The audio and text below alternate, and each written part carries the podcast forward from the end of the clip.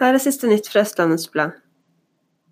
Nå er det bare dager igjen til du må ponge ut for å passere kommunegrensa til Oslo.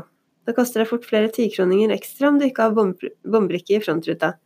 Se kart over hvor de syv bomstasjonene mellom Follo og Oslo er plassert på øve.no. Før 1. august må Nina Mathisen i Nina interiørteknikk ut av lokalene i Åsenveien 113. Jeg har lenge prøvd å finne et annet sted her i Ski, men nå ser det ut for at jeg flytter hele virksomheten til Fredrikstad, sier hun. På nyåret neste år kan det bli byggestart for leiligheten i Skolebakken. Vi flytter treningssenteret permanent og jobber for midlertidige lokaler til kafeen, forteller Pekka Lundefare i Pulsgruppen på Kolbotn. Ikke langt unna Follo har det nå åpnet en ny park med stupebrett og badebrygge, nærmere bestemt Bekkelagsbadet på Ormsund sørøst for Oslo sentrum.